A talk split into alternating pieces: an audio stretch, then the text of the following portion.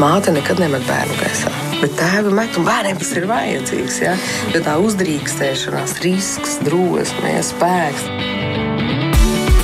Skola un augšana, attiecības un sadzīve, fiziskā un emocionālā veselība. Par šo un daudz ko citu raidījumā ģimenes studija. Labdien, klausītāji! Vecāku mērķis ir izaudzināt ne tikai fiziski, arī emocionāli veselu un laimīgu bērnu. Tādu, kurš jau kopš agras bērnības ir jutis savu vecāku klātbūtni un atbalstu, kas palīdz viņam pārdzīvot arī dzīves grūtos brīžus. Kā to labāk paveikti. Tāds ir šodienas ģimenes studijas jautājums, un raidījuma producente ir Liena Vimba, un es Mairidz Notiņu studijā sasveicinos ar ģimenes psiholoģijas centra Līna psiholoģi Daci Čibli. Labdien! Un labdien arī centra dārdedze psiholoģijai Madarai Grandānei. Labdien! Un uh, mazliet vēlāk mūsu sarunā iesaistīsies arī Saldus sociālā dienesta daudz funkcionālā centra jumis sociālā pedagoģa Anita Hļevicka, bet vispirms vēršos pie psiholoģiem. Tātad emocionāli vesels bērns vispār dace var noraksturot, kāds tas bērns ir. Jā, man liekas, arī pieteikumā jūs teicāt, kas man likās ļoti zīmīgi, kad emocionāli vesels bērns ir tāds, kurš arī tiek pāri um, dažādām grūtībām, kurš ir spējīgs iziet cauri grūtībām, jo mums jau dzīvē uh, mēs nesaskaramies tikai ar priecīgiem, tikai ar tādiem pozitīviem mirkļiem, un visbiežāk arī vecāku tai ikdienā lielākās grūtības ir ar tiem smagajiem brīžiem, kad kaut kas uh, nepatīk, kad uh, tu neesi apmierināts, vai tev ir kāda bēda, vai tu esi saskāries ar kādām smagām emocijām. Tas tad parasti ir milzīgākais izaicinājums. Un emocionāli, nu, gribās teikt, vesels bērns, viņš arī piedzīvo to visu, bet viņam ir vieglāk iziet cauri šīm situācijām. Nu, viņš ir spēcīgāks, rūtītāks, man dara, vai kā jūs teikt? Uh, es domāju, ka tieši tā viņš spēja atpazīt sevī šīs emocijas, spēja pa paustās un tādā veidā, ka viņš pats sev nenodara pāri un nenodara arī citiem pāri. Un tad tā ģimene īstenībā ir tā drošā vieta, kur viņš var gan mēģināt, eksperimentēt, kā man ar tām emocijām tikt galā un arī ņemt to piemēru no vecākiem. Nu, tad mēģināsim saprast, kā es eh, arī redzējumu pieteikumā teicu, kā to labāk paveikt, jo tiešām stāsts vispirms jau ir par vecākiem droši vien. Mm. Cik varbūt tādi emocionāli spēcīgi ir vecāki, vai jūs tā arī teiktu? Jo faktiski jau tā miedarbe bērnam ar, ar, ar vecākiem sāks, nu jau vai vecākam ar bērniem, kad bērniņš pavisam mazs. Jā, nu, man liekas, tā miedarbība tur nevar novilkt punktu, no kura viņa sāks. Īsnībā viņa sāks no bērniņa gaidīšanas laika, jo attiecības ar bērnu mēs veidojam jau no grūtniecības laika. Eh, protams, ka eh, tas, kurā brīdī vecāki sāk apzināties uh, to, ka jā, mēs tās attiecības veidojam, un varbūt es pat pieķeru sevi, ka uh, tas, kā es daru, man nevienmēr patīk, un, un kad es varbūt sāku arī kaut kur meklēt uh, kaut kādus variantus vai kaut kādas idejas, tad ko darīt savādāk. Nu, tas arī ir tas mirklis, kad vecāki sāk vairāk piedomāt, jo nu, man gribās teikt, arī ikdienas darbā strādājot. Uh, Uh, nu, tas nav noslēpums, ka ne mums visiem ir bijis tik absolūti ideāla uh, bērnība, ka mēs visi esam jau no bērnības laika izauguši emocionāli ļoti stabili un ar tiešām tādu augsti attīstītu šo emocionālo inteliģenci. Ļoti daudz ir pieauguši cilvēki, kas tajā brīdī, kad viņi visbiežāk, kad viņi paši kļūst par vecākiem, tajā brīdī viņi sāk to ceļu, tad kā kā kļūt pašiem tādiem emocionāli stabilākiem, um, gudrākiem šajā emocionālajā pasaulē, lai varētu to visu nodot arī saviem bērniem. Nu, bet tās emocijas, kuras tiešām traucē vecākiem visvairāk, kuras tās ir? Mm, tur ir ļoti daudz, jā. Um, Viena, man liekas, no tādām spilgtām lietām, ko es ikdienā arī daudz dzirdu, uh, ka vecāki piedzimstot bērniņam sastopās ar to, ka uh, es nevaru to dzīvi vairāk uh, virzīt pēc tā sava mērķa un sava plāna, jo ja līdz bērnam ļoti bieži ir tā, ka nu, tādi mērķtiecīgi cilvēki, viņi zina, ko viņi grib, viņi to saplāno, viņi visu paši izdara un viss tā arī notiek. Tad tiklīdz ienāk bērns ģimenē, tad īsnībā šī ikdiena absolūti izmainās. Tur nenotiek viss tā, kā vecāks ir ieplānojis. Tur ir jāmeklē tā sadarbība, tur ir jāmēģina ieklausīties otrā, atpazīt, saprast, kāpēc viņam nu, kaut kas nepatīk no tā, ko mēs sakam. Mhm, tad tur varētu kas tur pa, virmot pa emocijām. Jā, tieši tā. Tad, piedzimstot bērnam, tad, tad tas ir arī laimes mirklis, un tajā pašā laikā tur ir ārkārtīgi daudz izaicinājumu. Un, uh, un liekas, nu kā es varu dusmoties uz tādu mazu mīļu, um, nevainīgu bērniņu, bet tās dusmas ir, un iespējams tās dusmas tiek slāpētas un, un, un netiek izrādītas, un tad vienā mirklī tas iznāk kaut kādā ziņā nekontrolējama ārā, un tad vecāks saprot, nu kaut kas īsti nav ar mani kārtībā, uh, vai, vai ar kaut kādu situāciju nav kārtībā. Nu tā, nu ka īstenībā varbūt es neteiktu, ka ir kaut kādas emocijas, emocijas, kas traucē, bet tā spēja, ko tad man darīt ar tām emocijām, kad es viņus sajūtu.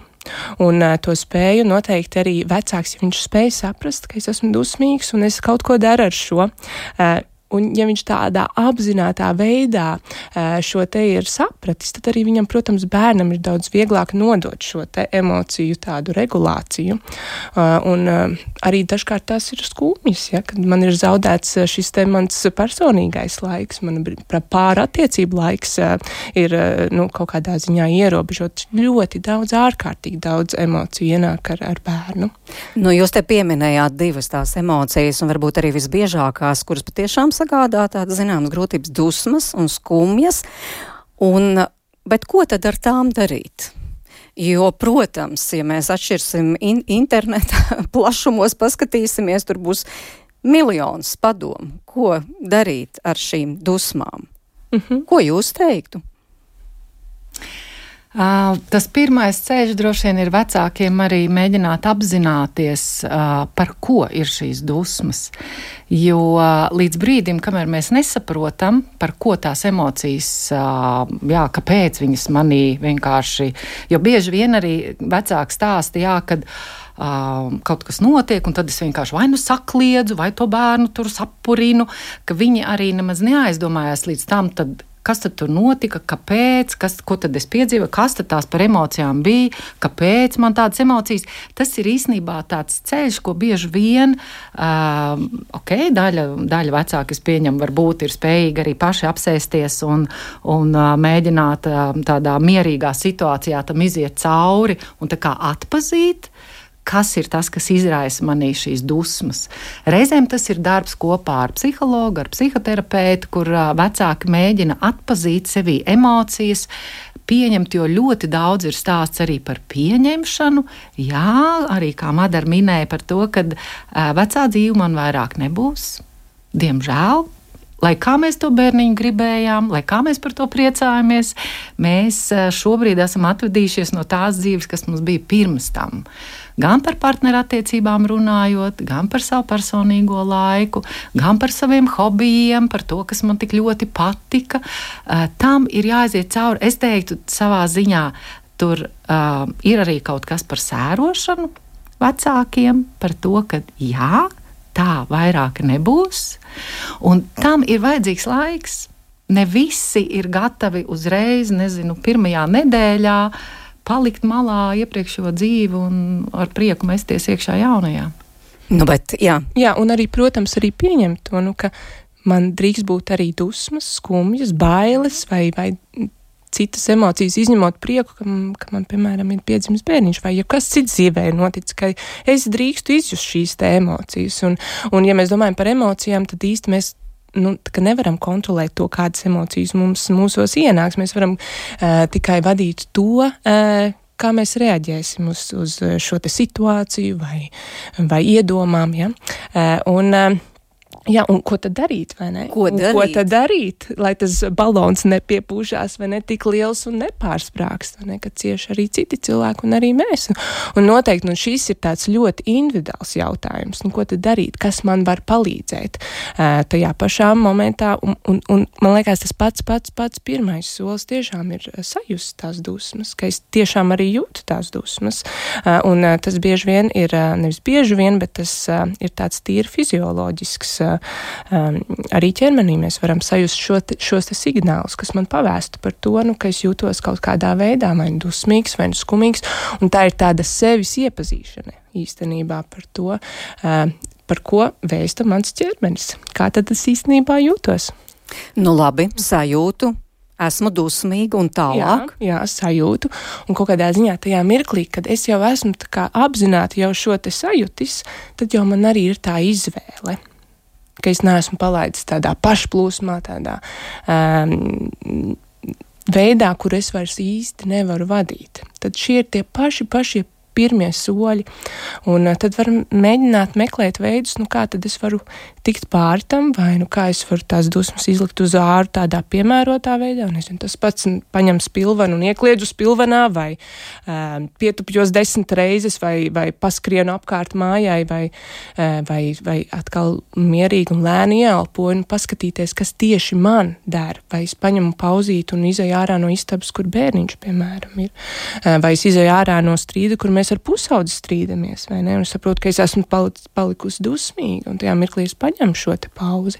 Un tad arī saprast, nu, kas īsti man tieši strādā. Jo, jo mēs jau varam teikt ļoti dažādus veidus, bet tas ir tas iepazīšanas ceļš uh, priekš sevis, kas būs tie veidi, kā es risināšu šo. Nu, ja ir spērti šie divi soļi, par kuriem jūs stāstāt, tad stop, apstājos, saprotu, kas notiek, un a, esmu atradusi nu, teiksim, to veidu, kā ar to tikt galā. Varētu teikt, ka uh, tad jau mēs varētu runāt par tādu emocionāli stabilu vecāku. Jo mēs, mēs te iesākām emocionāli tātad vesels bērns, kas tas mm -hmm, ir, mhm, bet, nu, -hmm. tas jau būtu tāds vecāks, kas kaut kādā ziņā tomēr tiek galā ar savām emocijām. Jā, nu, tajā, tajā, ko jūs nosaucāt, tikko es teiktu, arī vecākiem tā tad ir jāspēj atpazīt. Nu, tā tad mums nav tikai dusmas un tikai skumjas. Protams, jā. Vesela jūra, jā, nu, milzīgs apjoms dažādu emociju ir jāspēj atpazīt. Man liekas, arī vēl viena ļoti būtiska sadaļa, ka uh, mēs no apkārtējiem uh, saņemam arī tādu pieņemšanu un sapratni, tādu empātisku attieksmi pret sevi. Jo, ja es varbūt viena pati mājās tur cīnos ar tām savām emocijām, un varbūt kaut kur esmu dzirdējusi, jā, kad, kad saka, nē, nu ir taču ir, ir ok, kad vecāki tur ar, ar maziem bērniem, jā, ka viņus pārņem dusmas, bet man ir mājās partneris, kur visu laiku dusmojas un saka, kā tu tā, ka tu nedrīksti dusmoties, tas pilnīgi noteikti nepalīdz. Tā kā mums ir ļoti svarīgi, ka mums ir kāda arī atbalsta persona, kas arī var pateikt, es tevi saprotu, arī tāda empātiska attieksme pret mums. Un ja es saņemu empātisku attieksmi pret sevi, man ir vieglāk būt empātiskai arī pret citiem. Un tas ir arī domājot kontekstā pēc tam pret savu bērnu. Jo es saņemu šo sapratni, pieņemšanu, atbalstu savās emocijās. Protams, tas negarantē uzreiz, ka man viss beidzās. Protams, ka nē. Jā, es rekur, tā kā Madara teica, strādāju, meklēju savus veidus, kā, kā es varu gan uzpildīt savu, arī gribās teikt, tādu emocionālo krātu, jo, nu, esot ikdienā mammai, nu, es teicu, saku mammai, protams, abiem vecākiem, tas nav stāsts tikai par mammu. Vecākiem esot kopā ar maziem bērniem, tas prasa milzums, daudz enerģiju. Tas ir ļoti, ļoti enerģiju prasošs un tādu atdevi simtprocentu uzmanību prasošs laiks. Un tad ir jautājums, kā mēs paši varam piepildīt atpakaļ savu šo emocionālo krātuvi, kuru mēs tikai dodam un dodam un dodam. Vienā brīdī mēs saprotam, ka tur vairs nav. Un ļoti bieži šajās spēcīgās emocijās arī vecāki iekrīt, un tur arī ir tas, kur tie resursi beidzās. Un es vairs nevaru rekur ne pietupties, ne apskriet. Nu, kad man vienkārši es es izšķīstu tajās milzīgās emocijās, man vairs nav šo resursu. Un tāpēc ir ļoti svarīgi tiešām arī meklēt atbalstu apkārtējos. Nu, bet, ja viss tā veiksmīgi sakārtojas, var cerēt, ka bērniņš aug un viņš vienkārši vēro, nu, teiksim, uzsūc to, kā dara vecāki, un pilnīgi automātiski iemācās gan atpazīt, gan regulēt savas emocijas. Vai tas tā var notikt? Jā, es teiktu, jā. Protams, jo ja vecāki paši labi atpazīst savas emocijas, parasti tas, kas notiek, tātad viņi spoguļo savas emocijas. Tad, kad vecāki jūt, kad, nu, nu kad kļūst nezinu, aizkaitināts, es tā arī bērnam saku, stop, šobrīd es jūtu, ka es palieku aizkaitināta, es kļūstu viņa dusmīga, man ir vajadzīga pauze, es tagad mierīgi es aiziešu, rekurte pat virtuvē apsēdīšos, pāpošu vai izdzeršu tēju. Tātad mēs to stāstam arī bērnam, kas nozīmē bērnam bērnam ir skaidrs. Es nezinu, redzu, skatos mammai acīs, redzu, viņa saka, esmu aizkaitināta, šitais izskatās šitā. Tad, kad es pats kā bērns esmu arī aizkaitināts par kaut ko, man māma arī saka, man izskatās, ka tu šobrīd esi ritīgi aizkaitināts vai dusmīgs. Un bērni šo visu vēl kopā. Protams, ka tas viņam palīdz. Paralēli viņš rekur arī mācās no tām situācijām, ko tad dara vecāki, tad, kad viņi ir šie dusmīgie kad viņam ir arī automātiski tiek nolasītas tās dažādas metodes. Iespējams, mammai ir savas, tētim ir savas metodes, ka tam bērnam arī ir iespēja nu, pamēģināt. Izklausās, Madara, ļoti vienkārši, jo kaut vai šis, nu, to tagad visi vecāki, manuprāt, zina, ka emocija ir jāatpazīst, jānosauc vārdā, kā dats stāstīja, ka es tagad esmu aizkaitināts, jāstāsta bērnam, stop, es redzu, ka tu esi aizkaitināts, jautājums tikai vai tiešām pielieto to dzīvē? Vai tas ir tik vienkārši, kā, kā mēs te tagad studijā stāstām? Nu, noteikti tas nav tik vienkārši, vai ne visas tās uh, darbības, kas mums ir jāveic, tās, protams, ir arī kaut kādas izmaiņas mūsos, un ja, ja es kā vecāks neesmu mācīts atpazīt savas emocijas un nosaukt tās vārdā, protams, tas man būs jauns izaicinājums, tā man būs pilnīgi jauna skola. Un, eh, un, un iespējams, varbūt es sajūtīšu vēl vairāk emociju nekā iepriekš, ja, jo es sāku tikai atpazīt to, kas ar mani vispār ir noticis. Protams, tas, ir, tas nav vienkāršs ceļš, tas ir tāds uh, sevis izzināšanas ceļš un, uh, un noteikti uh, nevienkāršākais ceļš, protams. Nu jā, īpaši jāņem vērā, kā jau jūs teicāt, ka katram ir jāmeklē sava metode, kā ar tām emocijām tikt galā, un varbūt tas, kas der mammai vai tētim, nederēs bērnam, un tur jau vēl tomēr ir atšķirīgi temperamenti, mm -hmm. pieņemsim, mm -hmm. mammai un bērnam un tam līdzīgi, un varbūt tas bērns spilgtāk daudz izdzīvo emocijas nekā vecāki. Mm -hmm. Un bieži arī ir tā, ka vecāki arī netiek tieši ar tām bērnu emocijām galā, ar kurām viņi paši ar sevi iekšēji netiek galā, vai tās emocijas ir, ir stipri noliektas agrā bērnībā viņiem pašiem kā vecākiem vai vai vispār nav atpazītas, ja, kas tas ir. Un tad viņiem arī ir grūtāk pieņemt uh, tās emocijas, ko bērni izrāda, uh, jo viņi paši īsti neatpazīst šīs emocijas sevi. Un viņiem ir grūtāk tikt galā ar šo.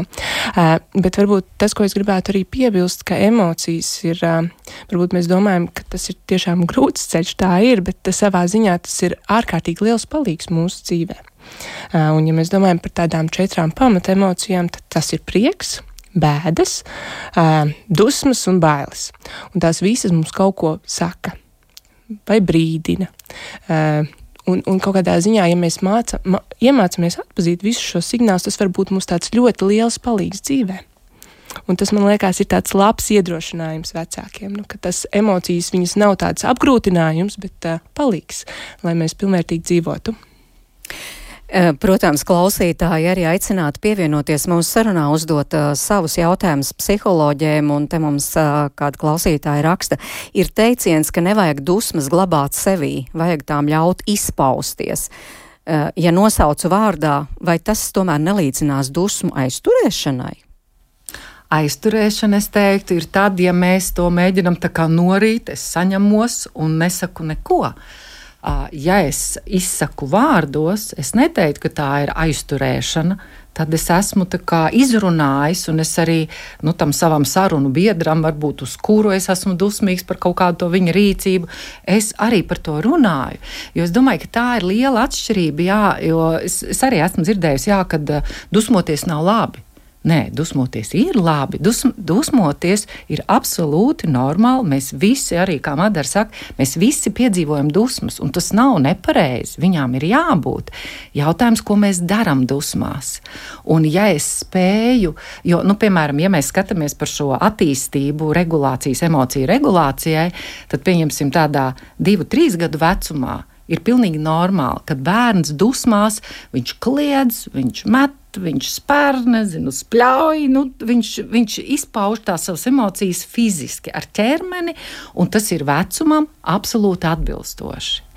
Ja mēs kā vecāki visu laiku cenšamies paralēli ikdienā rādīt šo savu piemēru, stāstīt, runāt, arī par tām pašām dusmām, jā, runāt, es teiktu, brīnišķīgā situācijā, apmēram ap četru gadu vecumu, mēs varam redzēt tam visam augļus ka mēs dzirdam arī bērna runā, ka bērni paši sāk atpazīt savas emocijas. Tas nenozīmē, ka viņš nedusmosies. Man liekas, te ir ļoti svarīgi arī vecākiem saprast, ka uh, emociju regulācija nav stāsts par to, ka nebūs dusmu, nebūs baiļu, kad mēs tikai priecīgi lēkāsim uz vienas kājas un, un viss, viss dzīvē rožaini. Tā nav. Mēs tās emocijas vienalga izjūtam, jā, bet es neiekrītu nu, tādā, tā tādā bezdibenī. Man tās emocijas vienkārši ne, nu, nepaņem savā varā. Es spēju ar viņām sadzīvot. Jā, es, es pasaku apkārtējiem, es esmu dusmīgs, man nepatīk, ka tu dari tā, kad es negribu, ka tu man tur nezinu, aizliedz kaut ko. Vienalga, es varu to izrunāt, un mēs varam to situāciju risināt. Un tad, kad es izrunāju, īstenībā daļa no tām dusmām viņas mazinās. Jā, nu tad divas lietas, ko es gribu paturpināt par to izrunāšanu. Mm -hmm. Dāci, jūs vairākas reizes teicāt, kādām tām sarunām jābūt, jo tur jau tomēr arī jāgaida, ka bērns uzticēsies un uh, būs vispār gatavs runāt par emocijām. Reizēm jau tās sarunas bērnu un vecāku starpā ir tādas, nu, ļoti ikdienišķi par emocijām maz tiek runāts. Nu, kā ar tādu bērnu runāt? Jā, bet es domāju, ar bērniem par jebkurām tēmām, jo jo mēs runājam vienkāršāk, jo tas ir labāk. Mazāk sarežģītuma, vienkāršiem, īsiem teikumiem. Arī tā kā mēs sākumā runājām, ja vecāki jau bērnam no mazotnes, viņi spoguļo savas emocijas. Viņi arī stāsta, kad, kad es esmu dusmīga, ja tu krīti zemē un kliedz skaļi, kad es esmu aizkaitināta par to. Ja es to runāju, tas jau ir tas piemērs, ko mēs bērniem rādām. Tur nav jābūt nekādām īpašām, nezinu, prasmēm vai kaut kādām īpašākām gudrībām. Mm -hmm. nu, es domāju, varbūt pēc tam, kad bērns jau lielāks, teiksim, apsēžamies, kad jau visi nomierinājušies, izrunājam, mm. piemēram, šo situāciju. Nu, kas tur īsti bija, kā varēja darīt tam citādāk un tam līdzīgi. Man liekas, tāds ļoti būtisks as aspekts augot tam bērnam lielākam, kad ir tik ļoti svarīgs tas uh, emocionālais kontakts savstarpējais starp vecākiem un bērnu, lai bērns tiešām būtu spējīgs uzticēt tās savas emocijas, jo emocijas ir kaut kas tāds ļoti ļoti man personisks. Un, un tur, kur varbūt ir mazāk tas kontakts, varbūt kaut kur ir nu, pazudis tas kontakts, tur arī bērnam būs grūtāk stāstīt un teikt par tām savām emocijām. Un es domāju vairāk par tādu pusauģu laiku. Mhm. Kā var pazust tas kontakts, kā to var pazaudēt visbiežāk? Nu, tie var būt strīdi. Tas pats arī, ka vecāks īsti nesaprot tās savas emocijas, kādēļ viņš ir iespējams tik ārkārtīgi dusmīgs vai ārkārtīgi aizņemts darbā, tur kaut kur kaut kādā vienā mirklī tas kontakts var pazust. Tas jau tā, tā, tā, tā dzīve ir, ka visu laiku tāds vienlīdz cieši kontakts viņš jau droši vien arī e, nevar būt. Jā, tas, kas man vēl nāk prātā, ir, kas var nobojāt šo situāciju, ir otra emociju nepieņemšana. Tas, kad, nu, ja, piemēram, tev bērns saka, es jūtos tagad dusmīgs par to, un uh, māma saka, beidz, tur nav par ko dusmoties, ka, tur, ka viņa tā kā noliedz tās sajūtas, ka tu jūties nepareizi. Un jo vairāk bērni piedzīvo šīs situācijas, kad pieaugušais noliedz tavas emocijas, vai saka, tur nebija par ko dusmoties, vai tur nekā tāda nebija, tu pats biji vainīgs, nu, kad vienalga tā tad nepieņem bērni nu, šīs emocijas, jā, tas varētu radīt to plaisu, tas varētu radīt arī to, ka viņš vēlāk neusticās, viņš nenāk un nestāst, jo viņš zina, ka vienalga tam nav nekāda jēga. Redz, kā tad, kad es mēģināju, man pateica, ka tās ir muļķības, ko tu man stāsti. Es domāju, ka tie varētu būt no tādiem tipiskajiem gadījumiem. Jā, Raimons, klausītājs Raimons mums raksta, ka ir jātrenējas klausīties, kā tāds, kas ar tevi strīdas, vai nu runā muļķības, vai tiešām provocē, ka tas palīdz. Nu, klausīšanās noteikti palīdz. Es domāju, arī tādā kontaktā ar bērnu noteikti svarīgi ir klausīties un sadzirdēt tiešām, kā viņš jūtās, ja mēs domājam tieši par tām emocijām šajā gadījumā. Un, Dažkārt eh, mēs kā vecāki tik ārkārtīgi gribam uzreiz atrisināt ja, tās bēdas, skumjas, dusmas vai bailes, ka mēs vienkārši mums ir tik grūti būt tajā eh, mirklī, kad bērns mums pasaka, ka viņš jūtās skumīgs. Un mums tik ļoti gribās to atrisināt, ka mēs jau piedāvājam piecus risinājumus, bet neviens nedara. Mēs kļūstam dusmīgi. Nu kā, kā var nederēt? Bet tas arī tas vēl tāds tas svarīgums ir tajā, nu, ka mēs akceptējam to, ka tu drīkst tā justies, un tu drīksti uh, padusmoties, un tu drīksti saskumt. Uh, man uzreiz šis nav jāatrisina. Mm -hmm. nu, bet dusmoties tiešām var uh, dažādi, un kā jau mēs te runājām, dažāds ir bērnu temperaments, vecāku temperaments, bet vai ir arī jānovalk kādas robežas, nu, kā mēs ģimenē mm -hmm. tomēr ko mēs nepārkāpsim. Jā. Ka varbūt tomēr vāzes pret, nezinu, sienu nemetīsim, kaut arī tas pa, mm. palīdz, vai, vai kur tās robežas būtu jānovelk. Jā. Nu, es teiktu, noteikti robežām ir jābūt jebkuros nu, kaut kādos gadījumos. Es domāju, viens ir fiziska pārdarīšana, kad vienalga, lai cik mēs esam dusmīgi, kas, protams, attiecās arī uz pašiem vecākiem. Lai cik es būtu dusmīgs, es nedrīkstu uh, ne uzšaut bērnam, kad vecāki saka, jā, viņš jau pats mani, nezinu, izaicināja. Tātad, ja mēs mācam bērnam, ka mēs nedrīkstam darīt viens otram pāri, tad mēs nedaram nevienu viens. Es teiktu arī noteikti par tādu cieņpilnu attieksmi pret kaut kādiem aizvainojošiem vārdiem. Arī tas ir tas, ko mēs vecāki mācam, ka mēs ģimenē viens pret otru izturamies ar cieņu. Bet tas ir bērniem jāstāst un jāmāca. Tas arī vieglāk palīdz regulēt, vai ne, Jā. savas emocijas tajās situācijās, ja ir skaidri vecāki jau novilkuši robežas. Šo mēs nedarām mhm. tajā brīdī, piemēram, kad dusmojamies. Tieši tā, Nodara.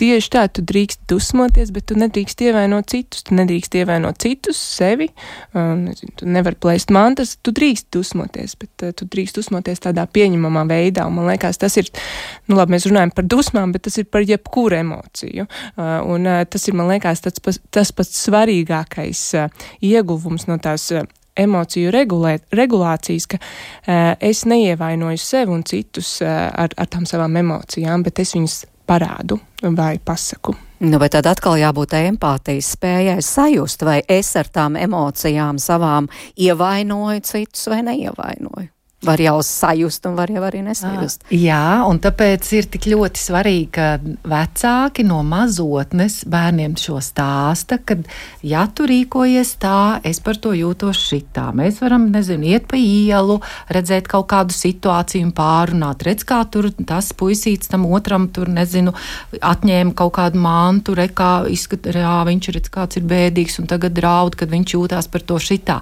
Tās ir situācijas, kur mums īstenībā ir ļoti svarīgi, ka vecāki to stāsta, ikdienā rāda. Mēs varam ir diezgan daudz, man liekas, pasakas arī, kuras mēs varam lasīt un pēc tam pārunāt, kā viens varonis jutās, kā otrs. Bet šī spēja bērnam iejusties otrā, īstenībā viņa arī attīstās pakāpeniski, un bērns apmēram ap tiem četriem gadiem tikai to spēja. Tā kā ir svarīgi arī vecākiem uh, zināt šos attīstības soļus, lai mēs neprasam no bērna to, ko nu, kaut kādā vecuma posmā viņš vienkārši to nevar izdarīt. Tas nav ne viņa smadzeņu darbībai atbilstoši, viņš to vienkārši nespēja. Mm -hmm. Madara, vēl kāda piebilde? Piebilde varbūt tāda, ka mēs runājam par tādiem ļoti ma mazu bērnu vecumiem, man liekas, un tas ir apsveicami, ja vecākiem tas ir izdevies.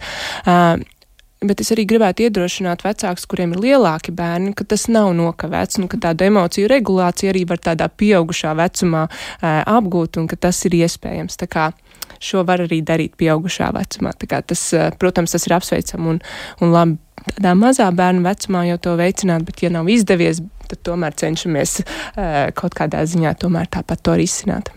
Mēs turpināsim sarunu ģimenes studijā par emocijām. Mēs tiekamies ģimenes studijā.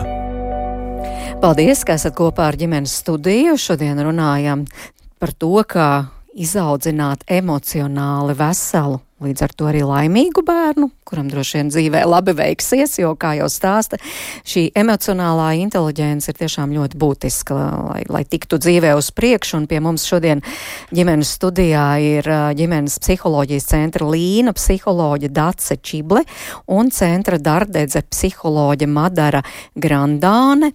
Un mēs te vairāk par tām dusmām gan runājām, gan ilustrējām, bet, piemēram, klausītāja Līna mums raksta par bailēm. Tā arī ir viena no emo emocijām, kuru jūs jau pieminējāt, un viņi mums rakstā, ko darīt ar desmitgadnieku, kuram ir paniskas bailes no potēm vai asins analīzēm. Tiek pielo, pielietot visi iespējamie paņēmieni, lai viņu iedrošinātu, bet nav rezultāta. Un pats beigās saprot, ka ir par daudz baidījies, nesot bijis tik traki, bet nespēja neko izdarīt attiecīgajā brīdī. Ko jūs atbildētu Lienai? Jā, nu es teiktu, tas ir droši vien atkal stāsts par to um, emociju pieņemšanu vecākiem. Jā. Uh, būt vienkārši pieņemiešiem un saprotošiem, un arī stāstīt bērnam, ka, diemžēl, dzīvē ir situācijas, lai kā mums ir bail, vai kā mums negribās, vai uh, nu, jebkas cits. Uh, nu, ja ir šeit stāsts jā, par tām pašām potēm vai, vai asins analīzēm, ir lietas, kuras mēs nevaram apiet. Diemžēl, jā, mēs varam mēģināt, uh, nu, it sevišķi desmit gadi, es teiktu, pietiekami liels bērns, uh, kopīgi runāt un kopā ar šo bērnu meklēt variantus, kas ir tas, kas tev palīdzētu. Vai tev palīdzētu, nezinu, kad es eju ar tevi kopā, vai tu gribi, nu, nezinu, meklēt šos variantus, tiešām uh, runāt ar pašu bērnu. Jā, bailes, es teiktu, bailes ir nu, arī šajā situācijā pilnīgi normāla situācija. Es domāju, tur noteikti ir vērts arī runāt par to, ka jā, nu, tas ir sāpīgs process, tas ir nepatīkams process. Jā, varbūt var mēģināt arī ar bērnu vairāk pašķitināt, no kā tieši tev ir bailes par ko tajā procesā, jo tā, nu, tā pote, piemēram, nu, tur jau ir diezgan daudz tajā. Tas, ka tur kabinets, nepazīstams dakteris, kā viņš reaģēs, vai tieši tas, kas sāpīgi, nu, tā kā vairāk, vairāk pašķitināt un pameklēt, kas tieši ir tas baiļu iemesls. Nu, varbūt bijusi kāda nepatīkama situācija pirms tam, kas ar to mm -hmm. saistīta, jā. Jā, noteikti varbūt katrs tāds individuāls gadījums, un tad var skatīt to individuāli, un šajā gadījumā varbūt var arī ieteikt tādu ļoti arī vienkāršu metodu mērīt bailes cik tev liels bija tās bailes, ka tu iegāji tajā kabinetā. Un reka puisis jau laikam bija saspricēts, es saprotu, un kad izgāja no tā kabineta ārā, tad uh, viss jau tika izdarīts un pats saprata, ka tās bailes ir mazināmas. Un cik tev tagad ir bail? Mēram bailes un skatāmies, uh, kā tas notiek, tas process. Un tajā ziņā, ka tas tiek kaut kādā ziņā mērīts, tad tas arī uzreiz uh, mazinās Un man liekas, tāda emociju mērīšana vispār ir palīdzoša, jo tajā mirklī, kad es kaut ko mēru, es jau mazinu tās savas emocijas. Nu, bet tad tomēr tā mērīšana tāda, vai man bija ļoti bail vai ne tik ļoti, vai tomēr kaut kādā skalā piedāvāt, piemēram, skalā no 1 līdz 10. Uh, varbūt tas arī palīdz labāk saprast un orientēties, cik lielas, piemēram, tās bailes bija. Tieši tā, tieši tā. Tad var skala 1 līdz 10. Tad var tikpat labi būt tas mazākiem bērniem termometrs, kur ir nulle, kur es nejūtu, nejūtu bailes, un kur ir termometrs kāpj, un tās manas bailes arī kāpj. Tad to var visādos veidos, arī tādos radošos veidos pārvērst. Un šis arī var būt palīdzoši bērniem.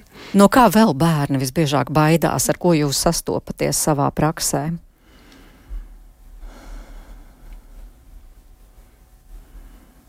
Es gan bieži nesastopos ar bailēm, jā. Tad biežāk tomēr ar tām dusmām. Jā, jā. es teiktu, manā praksē dusmas ir visizplatītākā emocija, dusmas, aizvainojums, greizsirdība. Jā, tās ir varbūt tās uh, populārākās. Mm -hmm. Bet cik lielai tomēr jābūt vecāku iesaistē, lai bērns tomēr veiksmīgi tiktu galā. Mm -hmm. Vienalga vai ar dusmām, Jā. vai ar bailēm, jo dažādi jau mēs kā vecāki reaģējam vienu uzreiz metās un konkrēti iet risināt problēmu. Es teiktu, iesaist... kāds būtu tas pareizākais ceļš? Mm -hmm. Iesaistēji noteikti ir jābūt, jo nu, es vairāk runāju par šo mazo bērnu, kas ir pirmsskolas vecums, jo tas ir tas lauks, ar ko es pamatā ikdienā strādāju. Es teiktu, pirmsskolas vecumā obligāti ir jābūt vecāku iesaistē pietiekami daudz, bet vairāk šajā uh, aspektā, lai palīdzētu bērz, bērnam apzināties, lai atbalstītu viņu, lai būtu caur šo empātisko nu, pieeju, kad es tevi saprotu, es pieņemu, jā, tas, nu, tas nav patīkami, vai tas ir grūti, vai tas ir biedējoši, ka mēs esam pieņemoši. Mēs varam tiešām kopīgi runāt, kas ir tas, kas tev varētu palīdzēt, vai tev ir pašam kādas idejas, kas ir nu, bērni, pieņemsim, no pieci gadi uz augšu. Viņi brīnišķīgi jau, ja mēs piedāvājam šo metodi. Bērni paši, jā, ar mums kopā, viņi tiešām uh, domā, viņi var dot kaut kādas idejas un var, varam kopīgi meklēt šos risinājumus, kā tad tikt galā, nu, jebkuru emociju situācijā. Bet ko tas nodara bērnam? Ja ir tāda aktīva vecāka, kur uzreiz grib atrisināt situāciju, nu, tad droši vien var būt vairāki varianti. Mēs visus droši vien varam arī nenosaukt, bet eh, risks ir tajā, nu, ka bērns neiemācīsies risināt patstāvīgi tās savas problēmas, un tiklīdz es saskaršos ar kādu grūtību, es, es nepratīšu tikt galā ar to. Un man liekas, tas ir tas, ka vecākiem gribās visu atrisināt, bet tajā pašā laikā viņi atņem to iespēju, ka bērns mācās risināt pats savas problēmas. Mēs esam klātesoši, un mēs pajautājam, kā es tev varu palīdzēt. Man liekas, šis ir burvju, burvju jautājums. Un tāds, kā es tev varu palīdzēt? Kā tev šķiet, kā, kādi ir tavi risinājumi? Un, ja bērnam nav risinājumu, protams, mēs viņam varam iedot kādu risinājumu arī no sevis. Mm -hmm. Tāpēc man liekas, jā, ja mēs tajā pirmskolas vecumā esam šie atbalstošie, klātesošie un rādam to ceļu, kad Ko tu par to domā? Kas ir tas, kā tev liekas? Ko, nu, tā tad nevis tikai es kā pieaugušais esmu vienīgais gudrais, kas zina visus atrisinājumus uz pasaules, bet es iesaistu tevi, es jautāju tev, mēs kopīgi ejam. Tas bērnā pirmkārt stiprina šo pārliecību par to, ka es varu, man izdodas, vecāki manī ieklausās. Šī ir noteikti nu, arī viena no, nu, es teiktu, arī noteikti sadaļām uh, kopā domājot par šo bērnu emocionālo audzināšanu, jo tas stāsta stāsts par viņu pašvērtējumu attīstību. Jo vairāk mēs uh, uzticamies bērnam, uzticam kaut kādas lietas, mēs jautājam viņam padomu, iesaistam viņu dažādās, uh, dažādu risinājumu meklējumos, jo pašvērtējums viņam aug. Jo viņš apzinās, ka viņš ir spējīgs un, un viņš tiks galā.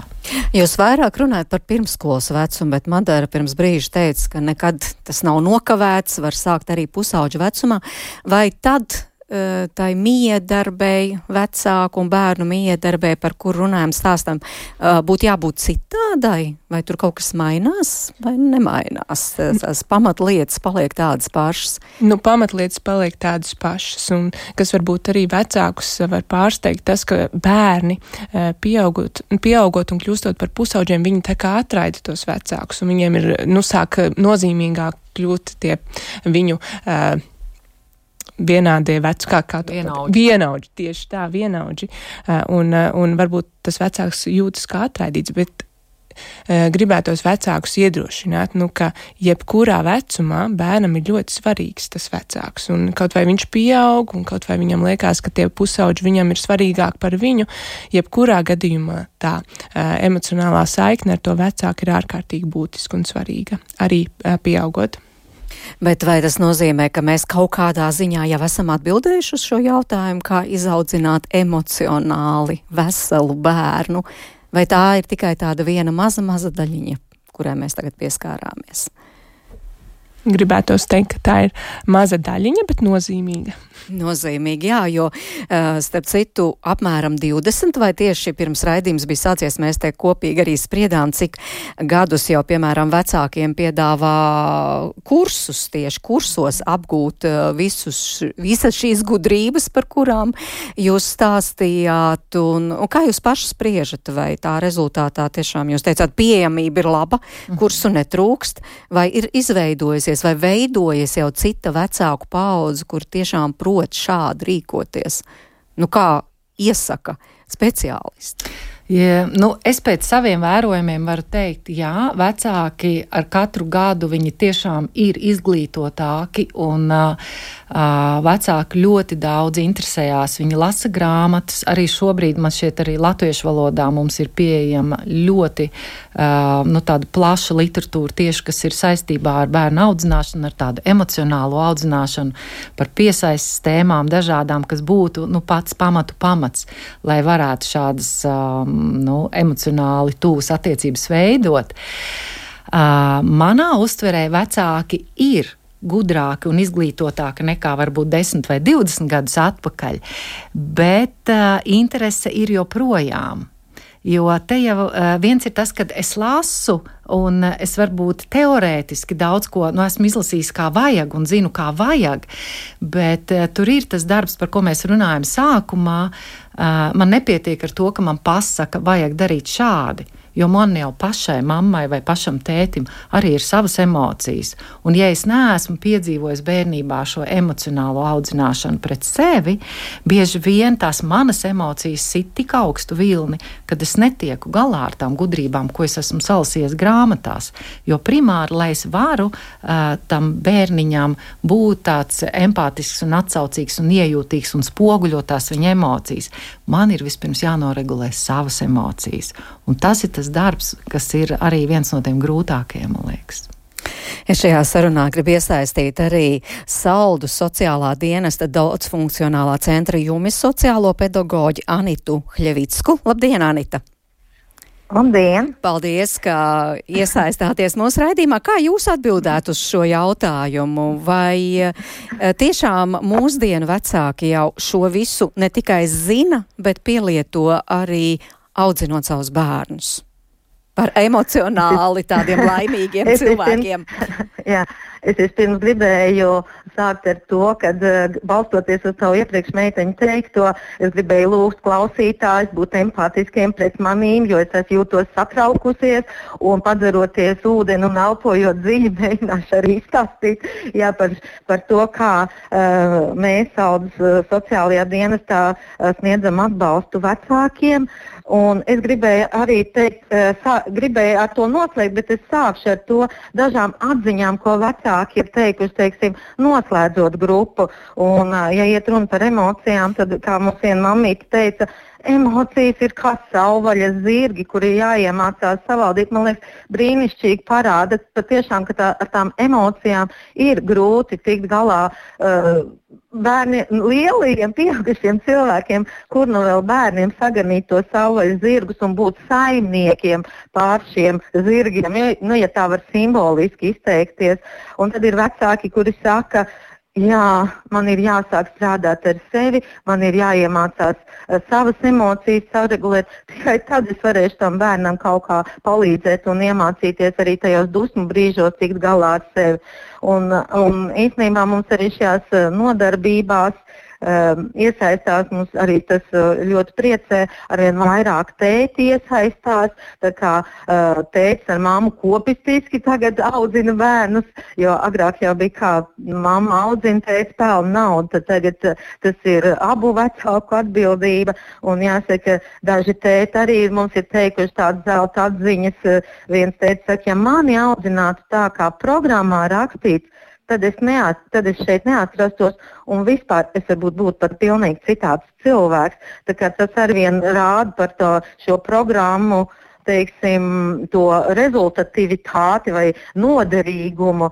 Un vēl viens teica, teica bērniem vispār jāiemāca cilvēku mīlēt, kas attiecās, nu, man liekas, kas ir mūsdienās ļoti svarīgi, jo um, neslēpsim, vai nevienam nav noslēpums, ja, ka šīs tehnoloģijas pārņem mūs visus un bērni ar vienu ar vien vairāk pavada laiku ar tehnoloģijām, ne tikai bērni, bet paši arī pieaugušie, bet kā mēs zinām, mēs taču esam cilvēki cilvēku, mums cilvēkiem vajadzīgi citi cilvēki, lai mēs veidotos, attīstītos un māc, mācītos šīs arī emocijas saregulēt, mācītos veidot cieņu pilnas attiecības. Nu, es tā biju pasteidzos uz to noslēgt, uz to, bet es gribēju, ar to beidzam. Jā. Jā, bet es gribēju Jā. jautāt, tā tad, piemēram, Saldus novadā ir vecāki, kur vēlas apgūt šīs zināšanas, un jūs arī piedāvājat šādas iespējas. Jā, jā. Vai jūs Mums ir arī diezgan teikt, ka, plašas. Ja, ka piedāvājums ir pietiekams, lai mācītos? Es domāju, ka liekas, ka mums ir diezgan plašas uh, iespējas uh, vecākiem saņemt atbalstu bērnu audzināšanā. Uh, mēs kā struktūra vienība uh, sniedz, teiksim, es saku daudzskaitlī mēs, jo mēs uh, vadām grupas ar, vēl ar kolēģīti, un man tā ierasts ir teikt vi, mēs. Mēs vadām grupas bērnu emocionālā audzināšanā. Tas ir vecākiem, kam ir bērni pirmskolas vecumā, un principā tās ir apmēram nu, plus mīnus piecas grupas gadā. Jāsaka, piecas grupas bija pagājušajā gadā, 23. gadā, jo tas jau bija tāds mazliet tā pēc Covid laika, kad cilvēki atkal ar vien vairāk gribēja iziet ārā sabiedrībā un iesaistīties. Uh, pirms tam mums bija tādas plus mīnus četras grupas gadā.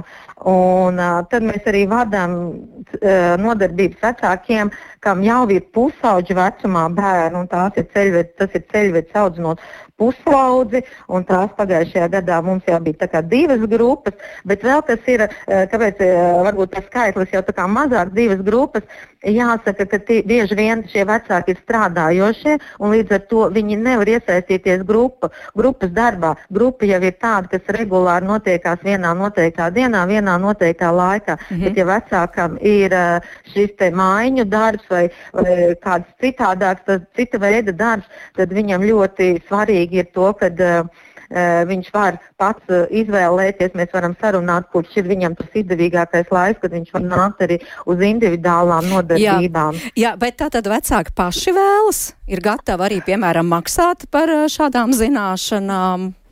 Vai, vai Nē, arī tomēr ir uh, sociālā dienesta ieteikumi, piemēram, ka jums būtu jāiet un jāmācās? Ziniet, patiesībā mums uh, ir šīs nodarbības ir pieejamas bez maksas. Un, uh, mēs paši nesniedzam maksas pakalpojumu, jo mēs saprotam, ka patiesībā uh, maksā tie vecāki, patiesībā, kuri jau gan, jāsaka, ir vairāk vai mazāk, viņi ir motivēti. Uh, mēs dienestā sniedzam pakalpojumu cilvēkiem, kas arī nāk ar šiem nosūtījumiem no ģimenes atbalsta nodaļas, kur ir nonākuši nu, dažādu iemeslu dēļ dienas redzeslokā. Bet ir, protams, arī tādi vecāki, kur paši aiziet uz dienas un saka, ziniet, es nezinu, ko ar to bērnu darīt, es netieku ar to vairs galā. Un tad viņi arī nonāk pie mums.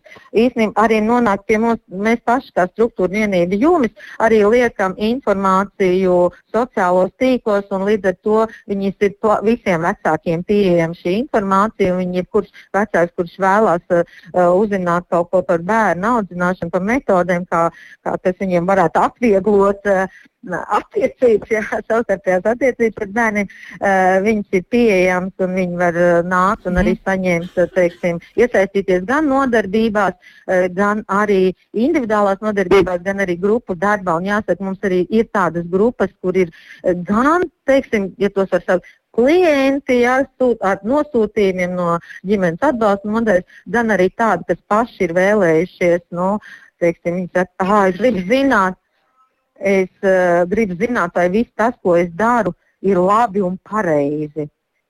Jā, nu, tā lūk, jā, paldies, uh, Anita. Bet kopumā arī Rīgā laikam tā varētu raksturot šo situāciju, vai ne? Kā mēs dzirdējām no saldas puses. Jā. Ka vecāki ir motivēti, ka vecāki apzinās, ka, ka viņiem ir vajadzīgs papildu zināšanas, mācās, un ir arī rezultāti.